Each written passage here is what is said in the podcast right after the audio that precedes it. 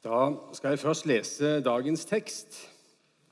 Og det er, eh, Den er hentet fra Matteusevangeliet, det 21. kapittel, og vers 1-11. Og vi reiser oss mens vi leser den. Da de nærmet seg Jerusalem og kom til Betfage ved Oljeberget, sendte Jesus to disipler av sted og sa til dem.: Gå inn i landsbyen som ligger foran dere. Der skal dere straks finne et esel som står bundet og har en fole hos seg. Løs dem og lei dem hit til meg.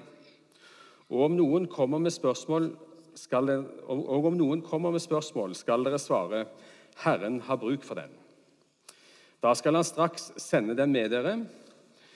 Og dette skjedde for at det ordet skulle oppfylles som er talt gjennom profeten. Si til datter Sion, se, din konge kommer til deg. Ydmyk er han og rir på et esel og på trekkdyrets fole. Disiplene gikk av sted og gjorde som Jesus hadde sagt, og hentet eselet og folen. Så la de kappene sine på dem, og han satte seg opp. Mange i folkemengden bredte kappene sine ut over veien. Andre skar greiner av trærne og strødde på veien. Og mengden som gikk foran, og de som fulgte etter, ropte:" Hosianna, Davids sønn, velsignet er Han som kommer i Herrens navn. Hosianna i det høyeste. Da han dro inn i Jerusalem, ble det uro i hele byen, og de spurte, 'Hvem er dette?' Og mengden svarte, 'Det er profeten Jesus fra Nasaret i Galilea.' Slik lyder Herrens ord. Ja, da tenkte jeg at jeg skal først si noe til barna, og så sier jeg litt til de voksne etterpå.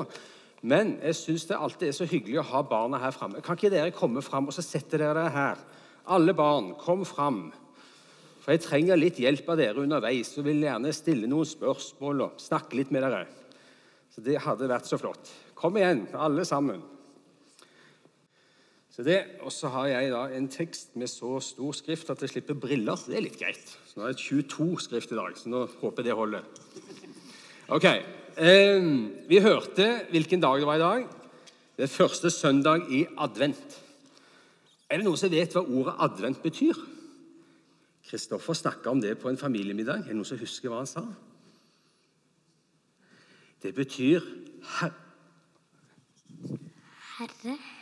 Også litt til. Og hva er det med han? Han, han kommer. Herren kommer, betyr det.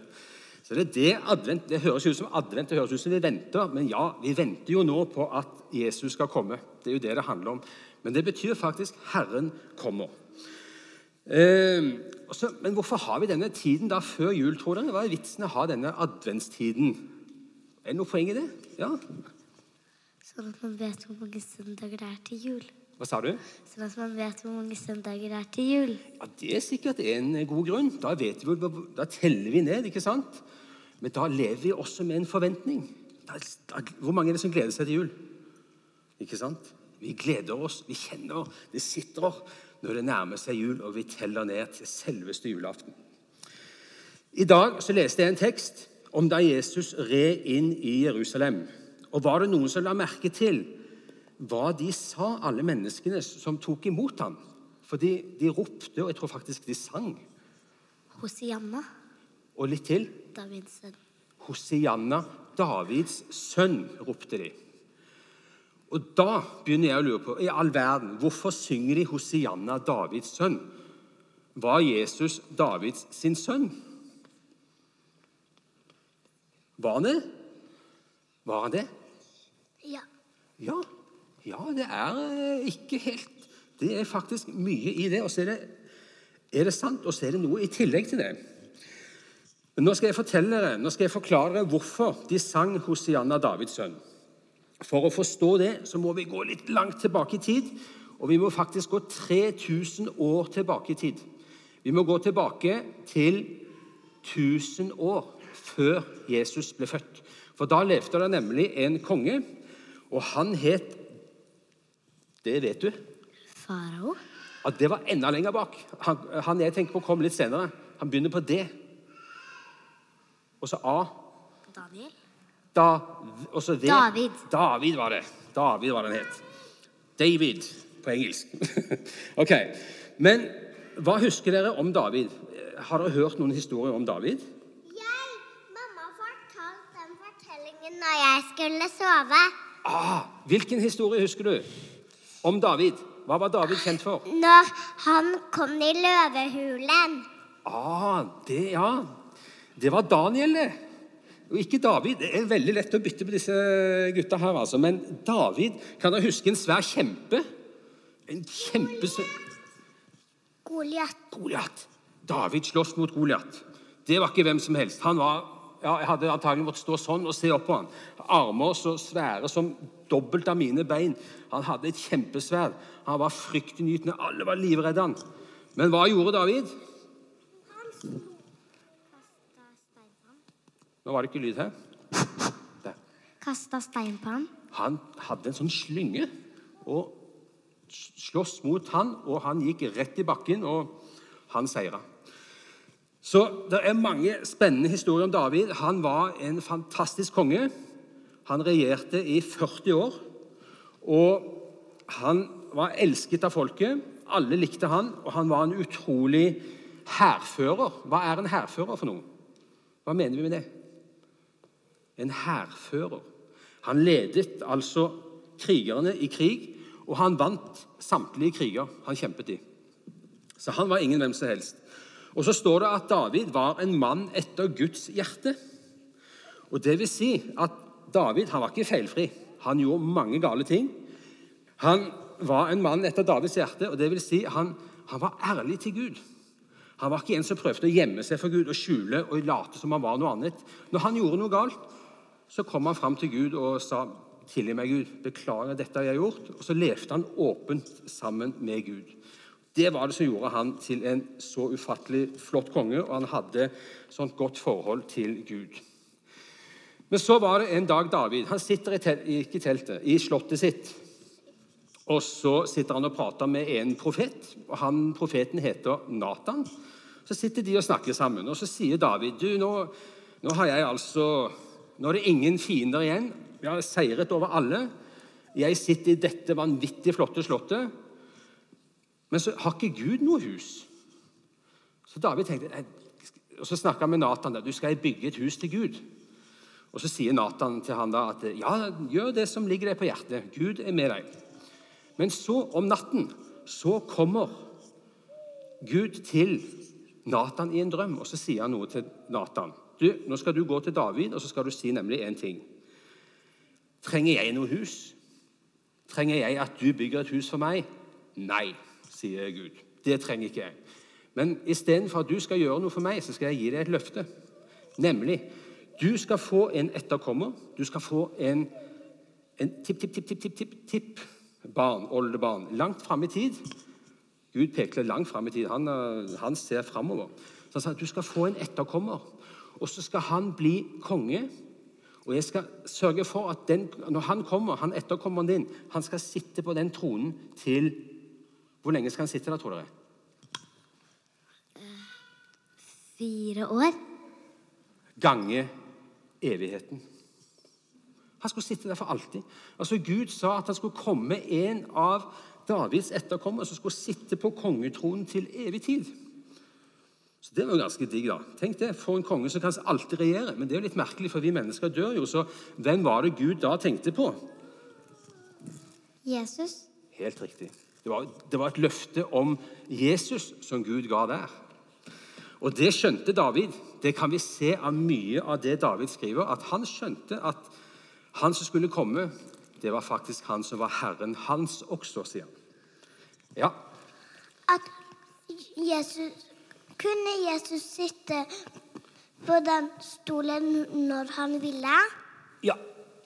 Og nå sitter han her hele tiden nå sitter han ved siden av Gud oppe i himmelen. Så fikk David dette løftet, men så døde David. Og så kom kongen etter David. Det var hans sønn. Han het Salomo. Og så regjerte han i noen år. Men Salomo han var ikke like lydig som Han var ikke like lydig som David.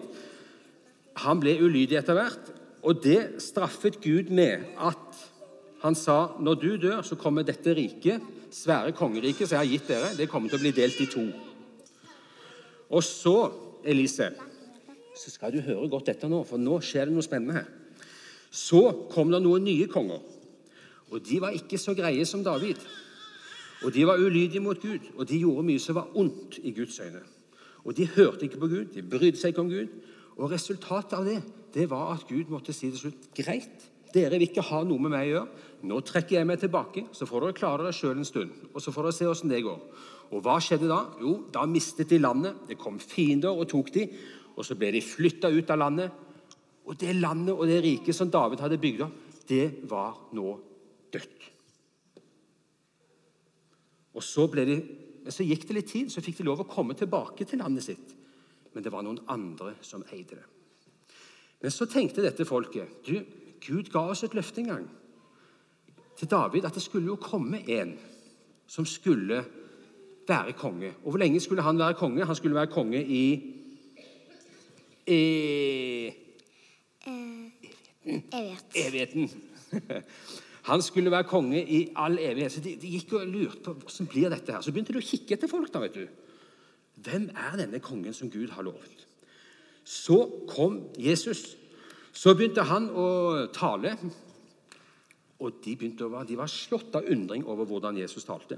Og hva mer gjorde Jesus? Han gjorde noen vanvittige ting som bare folk ble satt helt ut av. Hva gjorde Jesus? Han gjorde noen vanvittig mektige ting. Hva da? Jesus, Hva gjorde Jesus? Mm, jeg vet ikke. Hvis han så en blind, hva gjorde han da? Gjorde han frisk igjen? Hvis han så en døv, så Gjorde den hørende. Han gjorde han hørende. Hvis han så en død, hva gjorde han da? Hør godt etter. Han, Han eh, gjorde sånn at de kunne reise seg opp igjen. han vekket de til live. Ropte de ut av graven. Så folk begynte å lure på i all verden er dette mannen som Gud har lovet skulle komme. Er dette etterkommeren til David? Og så begynte det, og så plutselig hørte vi i dag Så red Jesus inn i Jerusalem på et esel. Og hvordan ble han tatt imot? Jo, han ble tatt imot som Davids sønn, som etterkommeren som David hadde fått løfte om. Hosianna, Davids sønn, ropte de. Velsignet være han som kommer i Herrens navn. Og eh, Hosianna, Davids sønn. Så de tenkte yes, nå er han her, så nå begynner det å smake fugl. Nå skal vi kanskje få landet vårt tilbake og, og få kontroll på vårt eget land. Ble Jesus konge? Ble han konge i Israel? Hva skjedde med han etterpå, når han kom inn der? Hva skjedde med Jesus når han red inn i Jerusalem etterpå? Da ble han død. Da ble han død. Han ble drept. Det var forferdelig. Men de hadde jo akkurat hyllet han som konge, og så neste øyeblikk så dreper de han.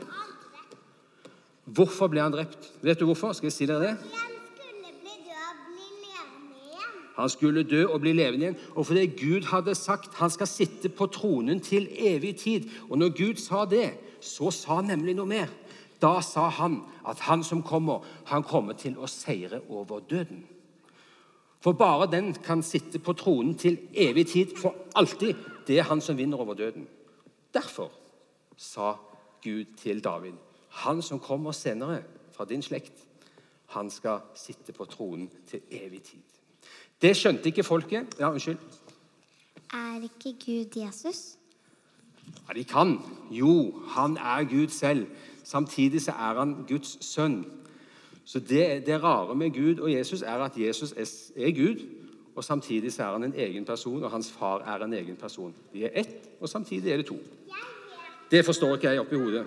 Det, det står i Bibelen at slik er det. Men veldig bra spørsmål. Jeg vet noe. Fordi hvis Jesus hadde vært levende og ikke ble død igjen, så kunne han bare være levende hele tida. Ja, men han er det nå. Han lever, han. Så nå sitter han og er konge. Han sitter ved siden av sin far i himmelen, på tronen. Og der sitter han og regjerer. Og han er vår konge. Så når folket tok imot han, så var det riktig, det som skjedde, men de, en, de trodde at han skulle noe annet. De skjønte ikke at han kom for å gi sitt liv. Ok. Vet du hva? Nå har dere vært flinke. Nå vet dere hvorfor de sang Hosianna, Davids sønn. Det var fordi de hadde hørt løftet som David fikk om at han skulle få en etterkommer, at det skulle komme en konge. Så De trodde det var han, men de hadde en annen tanke. Ok, Nå vet du hva? Nå skal jeg si noen ord til de voksne òg. Klarer dere å sitte helt stille og høre på det? og være helt stille mens jeg sier dette òg? Sier litt til de voksne. Da kan dere få gå til mamma og pappa igjen. Jeg syns dere har vært kjempeflinke. Vi leste fra Matteus, og da leste vi at det sto at dette skjedde for at det ord skulle oppfylles som er talt gjennom profetene eller profeten. Altså, Det som skjer når Jesus rir inn i Jerusalem, det er en oppfyllelse av det Gud hadde forutsagt skulle skje. Og, David, og Peter sier jo For aldri ble noen profeti båret fram fordi et menneske ville, men drevet av Den hellige ånd talte mennesker ord fra Gud. Så når han, han, talt, når han snakker om at dette ord skulle bli oppfylt, som var talt gjennom profeten, så vitner det om at det ikke er av profeten, men det er gjennom profeten. Det er Gud selv, Den hellige ånd, som har talt disse ord til profetene og formidler de videre.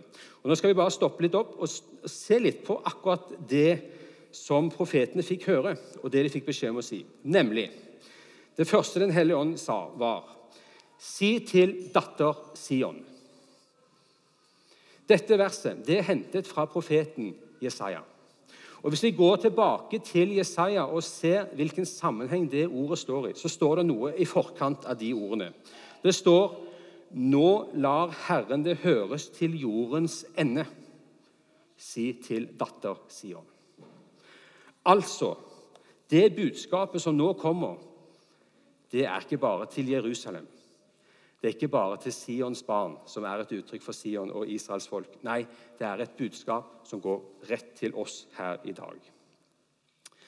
For dette ord skal ut til verdens ende. Og hva er det så Den hellige ånd taler gjennom profeten? Jo, det første han sier, se din konge. Han som kommer på eselet, er din konge. Han er din personlige konge. Han er Gud han er av Gud gitt all makt i himmelen og på jord, og Gud er det som har innsatt Jesus. Ingen andre. Til disiplene på Forklarelsens berg så sa Gud.: Dette er min sønn, den elskede, som jeg har min glede i. Hør ham. Hør ham. Han er det vi skal høre på og stole på. Han er din og min konge. Det vil si at alle andre konger, ledere, herskere, myndigheter de står under Han i våre liv. Han er det som er vår absolutt øverste og første røst. Så sa Den hellige ånd Han sa, 'Se'. Og hva er det vi ser? Jo, vi ser en ydmyk mann på et esel. Det er ingenting som minner om en allmektig konge. Men når Den hellige ånd taler og sier 'se', da taler han til de troende hjerter som ser. Johannes sier, 'Vi så hans herlighet'. Den herlighet som den enbårne har fra sin far, full av nåde og sannhet. De så det. Verden så det ikke. Han kommer stikk i strid med hva enhver menneskelig forestilling er om en konge som kommer. Men det er nettopp for å vise at han er en annen konge. Verdens herskere de kjemper om å fremstå som sterke, mektige, stolte, handlekraftige og innflytelsesrike. Det er et eneste stort spill mellom verdens ledere. Men den sanne kongen og herskeren står de alltid imot. Han bryr de seg ikke om, han som står over dem selv. Slik har det alltid vært, og i Salme 2 så skildres dette når det står Jordens konger reiser seg. Fyrstene slår seg sammen mot Herren og Hans salvede. Men han som troner i himmelen, ler. Herren spotter dem. Så taler han til dem i sin vrede. I sin harme slår han dem til redsel. Det er jeg som har innsatt min konge på Sion, mitt hellige fjell. Med andre ord, hvordan våger dere å sette dere opp mot Han? Videre sa profeten, se din konge kommer. Han kommer til deg og til meg. Det er ikke du og jeg som kommer til han. Vi visste ikke hvor vi kunne finne Gud, for vi var både blinde og døve og lamme. Vi gjemmer oss heller for Gud, sånn som Adam og Eva gjorde da Gud ropte på dem. Men han har funnet deg og meg. Vi er heller ikke verdige til å være med han. Da Jesus kom til Peter på stranden og ga han en stor fiskefangst, så løp Peter han i møte og kastet seg ned for han og, og sa, 'Gå fra meg, Herre.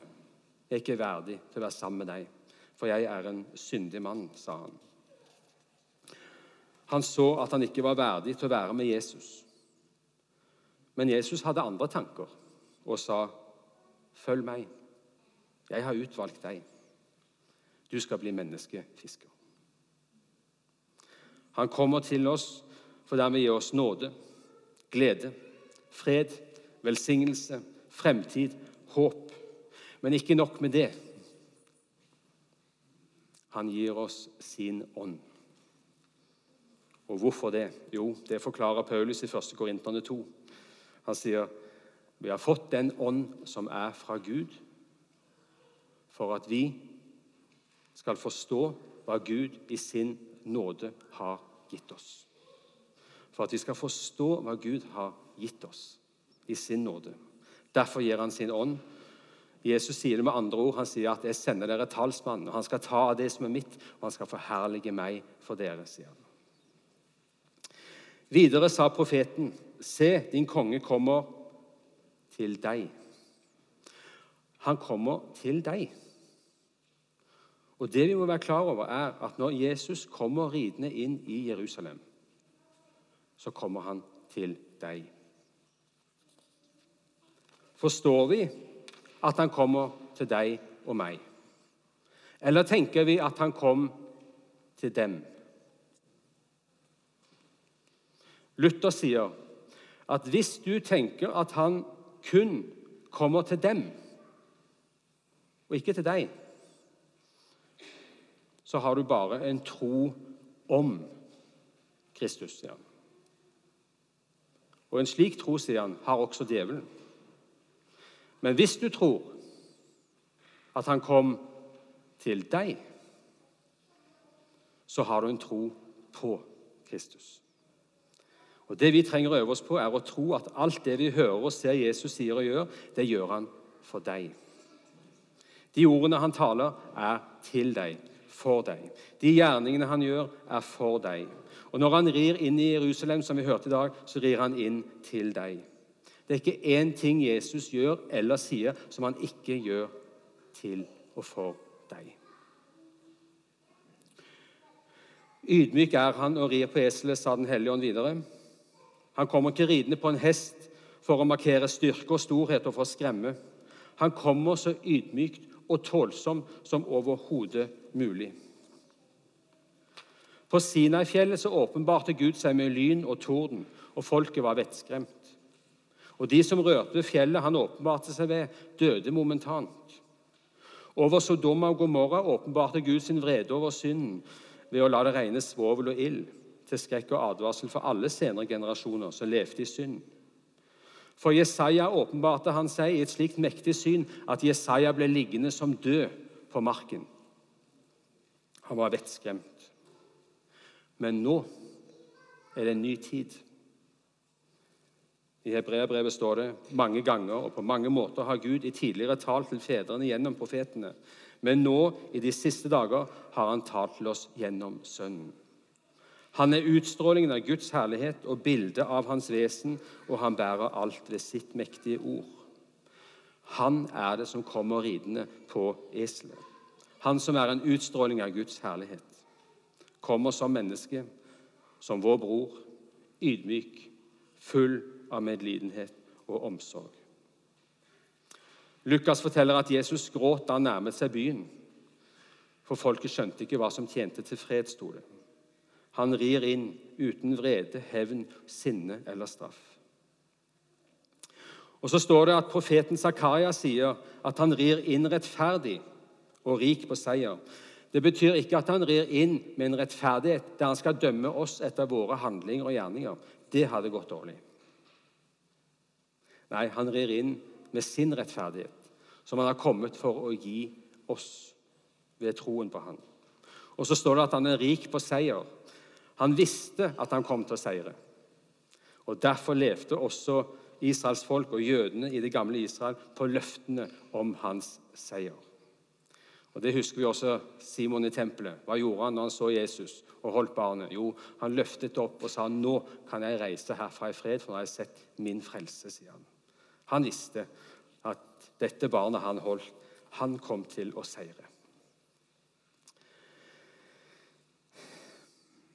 Se, sa Den hellige ånd.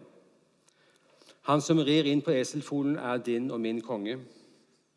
Han har ikke bare gjort noen enkelte handlinger og gjerninger mot oss. Nei, han har gitt hele seg. Sitt liv for deg og meg. Og det vil han så gjerne at vi skal forstå. Bli i min kjærlighet, sier han. Bli i hans kjærlighet. Vi lever i og av det Jesus har gjort for oss. Og Når vi er hos Han, og når vi lever i Hans kjærlighet, da er vi som fisken i vannet. Da er vi i vårt rette element, og da vokser vi også i det Han har lært oss. Lær av meg, jeg er tålsom og ydmyk av hjerte, sier Jesus. Han lærer oss at slik Han har elsket oss, ønsker Han at vi også skal elske hverandre. Ha Kristi sinnelag, sier Paulus. Si til Sions datter, se, din konge kommer til deg. Ydmyk er han og rir på et esel. Amen.